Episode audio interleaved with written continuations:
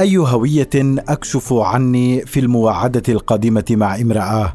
أحمد الأشقر. منذ أخبرتني صديقتي التي كنت أحبها بأنها ستتزوج حبيبها الجديد والأسئلة الوجودية تطرق باب تفكيري. لماذا لم أستطع المحافظة على حبي لها؟ ولماذا لم تكتمل حظوظي بالارتباط بها أو بغيرها ممن التقيتهن طوال السنوات الماضية؟ في حالتي لم أجد يوما الأجوبة المتعلقة بطبيعة العلاقة التي كانت تنشأ ثم ما تلبث أن تنتهي لأسباب غير مفهومة ظاهريا لكن عمقها مرتبط بالهوية والصور النمطية للهويات التي حملتها أو قدمت نفسي من خلالها أو قدمني الآخرون على أساسها. مثلا في سوريا كانت هويه الطائفية سببا يجعل أي فتاة تعيد التفكير مرتين بجدوى العلاقه وهي تعرف مسبقا بأنها قد تواجه أهلا ومجتمعا يمانعون ارتباطها بشخص من طائفة مختلفة.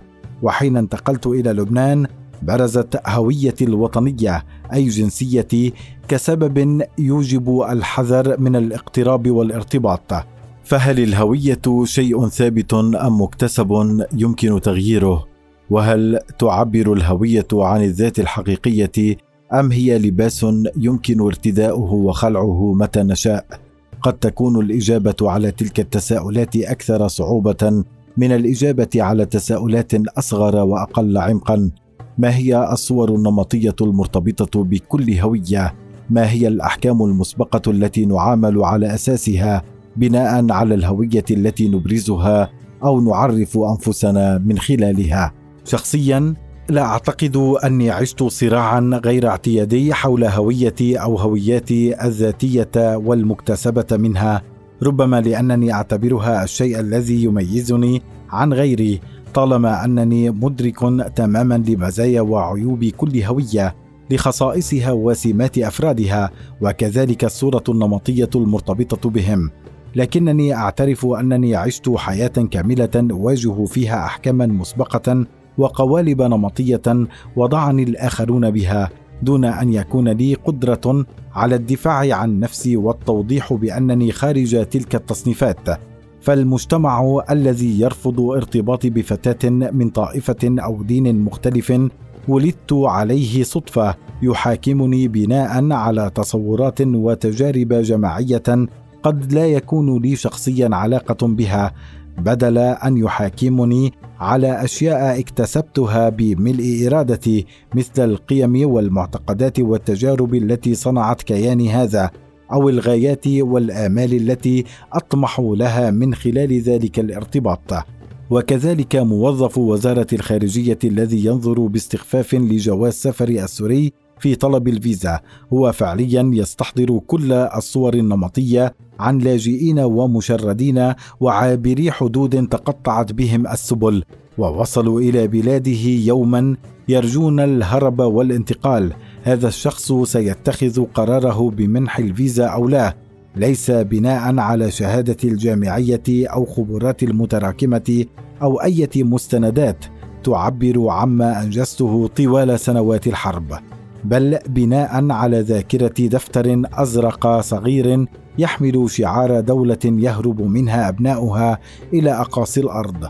وهكذا أجد نفسي مضطرا في مواقف يومية مع سائق التاكسي ومع بائع الخضرة ومع موظف الحكومة لاختيار الهوية التي أريد أن يعاملني بها أو يتخذ قراره بناء عليها حتى بلغت مرحلة الاستمتاع حقا بتلك اللعبة. بعد ادراكي أن الدماغ البشري يميل إلى التصنيف ووضع التجارب في خانات مسبقة لتسهل عليه التعامل مع المواقف الجديدة. فسائق التاكسي سيكون أكثر ارتياحا وأقل ريبة إن أخبرته فقط أن نصفي سوري ونصفي الآخر لبناني أو أنني لبناني ولدت في سوريا لتبرير لهجتي السورية وهكذا سيختلف تعامله معي بناء على الهوية التي صدرتها له.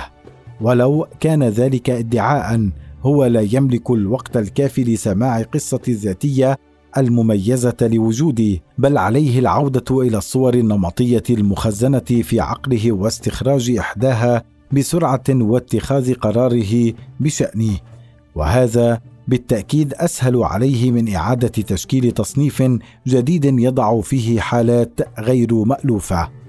وهكذا مع بعض التمرين أصبحت مدركا للقوالب النمطية الجاهزة التي أرغب أن يتم وضعي بها من خلال اختياري لهذه الهوية أو تلك أو حتى تقديم موضوع ما أو شرح فكرة معينة. فلو انتقدت سلوكا لفتاة ما سأصبح فورا الشرقية الذكورية الكارهة للنساء. أو على العكس تماما سأكون النصير الأول والمدافع الشرس. إذا دعمت فتاة أخرى أما إذا وضحت مغالطة تاريخية لشخص متدين سأصبح الكافر الضال المتخلي عن دينه ليبقى الاتهام الأحب على قلبي والذي طالني كلما سخرت من مفاهيم الوطنية والانتماء إلى الجماعات والإعلام. هو أنني بلا هوية. فهل أنا فعلا بلا هوية؟ أو أعيش ازدواجية بين هويات المختلفة في الواقع ابدا لأنني مدرك لتأثير الهويات والقوالب النمطية على حياتنا كبشر وجماعات. فكم من الحروب والمجازر قامت بسبب تلك الهويات والأهواء التي أثارتها والانحرافات الذي جرتنا إليها حتى سماها أمين معلوف في كتابه الشهير بالهويات القاتلة. بحسب معلوف الهوية ليست واحدة بل تتشكل من انتماءات عدة لكنها تتبدل وتختلف عناصرها حسب تأثير الآخرين. فالفرد يميل لتعريف هويته وانتمائه تبعا للخطر الأبرز الذي يواجهه من تهميش أو قمع أو حتى سخرية وحين يجد جماعة يتشارك معها الخطر ذاته تتحول الهوية حينها إلى أداة حرب ويصبح الدفاع عنها عملا ضروريا وشجاعا. ولأن سؤال الهوية يبرز أكثر في المحيط المختلف فالإجابة عنه هي التي تحدد مسار وشكل الحياة. فالمسلم الذي يعيش في الغرب أو العربي الذي يعيش في أوروبا أو صاحب البشرة السمراء الذي يعيش بيننا هو بالطبع يواجه دوما مواقف متحيزة بسبب هويته الظاهرة شكله أو لهجته أو سلوكه. ولكن بناء على تصرفات المحيط أو قوانين الدولة تجاهه سيختار إما تأكيد تلك الهوية والتعصب لأجلها والعيش في كانتونات تشبهه أو سيسعى للهروب والتخلي عنها بهدف الاندماج في المجتمع الأكبر. وحتى هذا الهروب قد يأخذ أحيانا اشكالا متطرفة وفي كلا الحالتين قليلا من يدرك مكنون هوياته المختلفة ويجد سلاما واستقرارا بالتوفيق بينها. لكن بالرغم من كل تلك الصراعات التي نعيشها لإثبات أو إنكار هوية أو تصنيف ما سنبقى في النهاية محكومين بما نحمله من أوراق ثبوتية ومستندات وسيتم تعريفنا والتعامل معنا على أساسها. فأنت لن تستطيع أن تثبت لضابط الحدود أو مقدم المنح أو مدير شركة التوظيف بأن جنسيتك لا تعبر عنك بل تشعر بالانتماء الثقافي إلى بلد آخر أو أن اسمك لا يعكس بالضرورة تبعيتك لتلك الديانة أو الطائفة أو حتى لا تشعر بكامل جنسانيتك التي تشير إليها خانة الجنس. وستبقى حبيس ما تحمله من بطاقات تعريف وإخراجات قيد وجوازات سفر. وستحرك لاجلك الأساطيل العسكرية إذا كنت مواطنا أمريكيا ابيضا ووقعت في مشكلة ولو كنت في الواقع شخصا متعصبا احمقا تؤمن بنظرية الأرض المسطحة وتدعو لإبادة المختلفين عنك.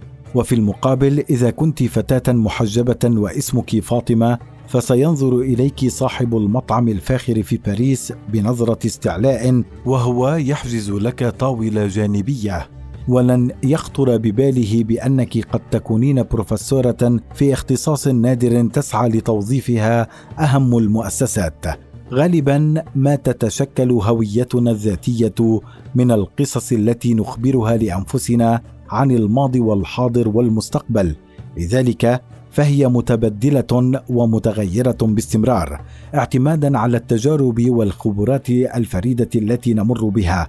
وعمق وصولنا إلى الوعي الذاتي واكتشاف غاياتنا في هذه الحياة ولكن المؤسف أن ذلك كله لا تعكسه البيانات المؤرشفة والمسجلة منذ الولادة والتي من الصعب تغييرها في حياة واحدة.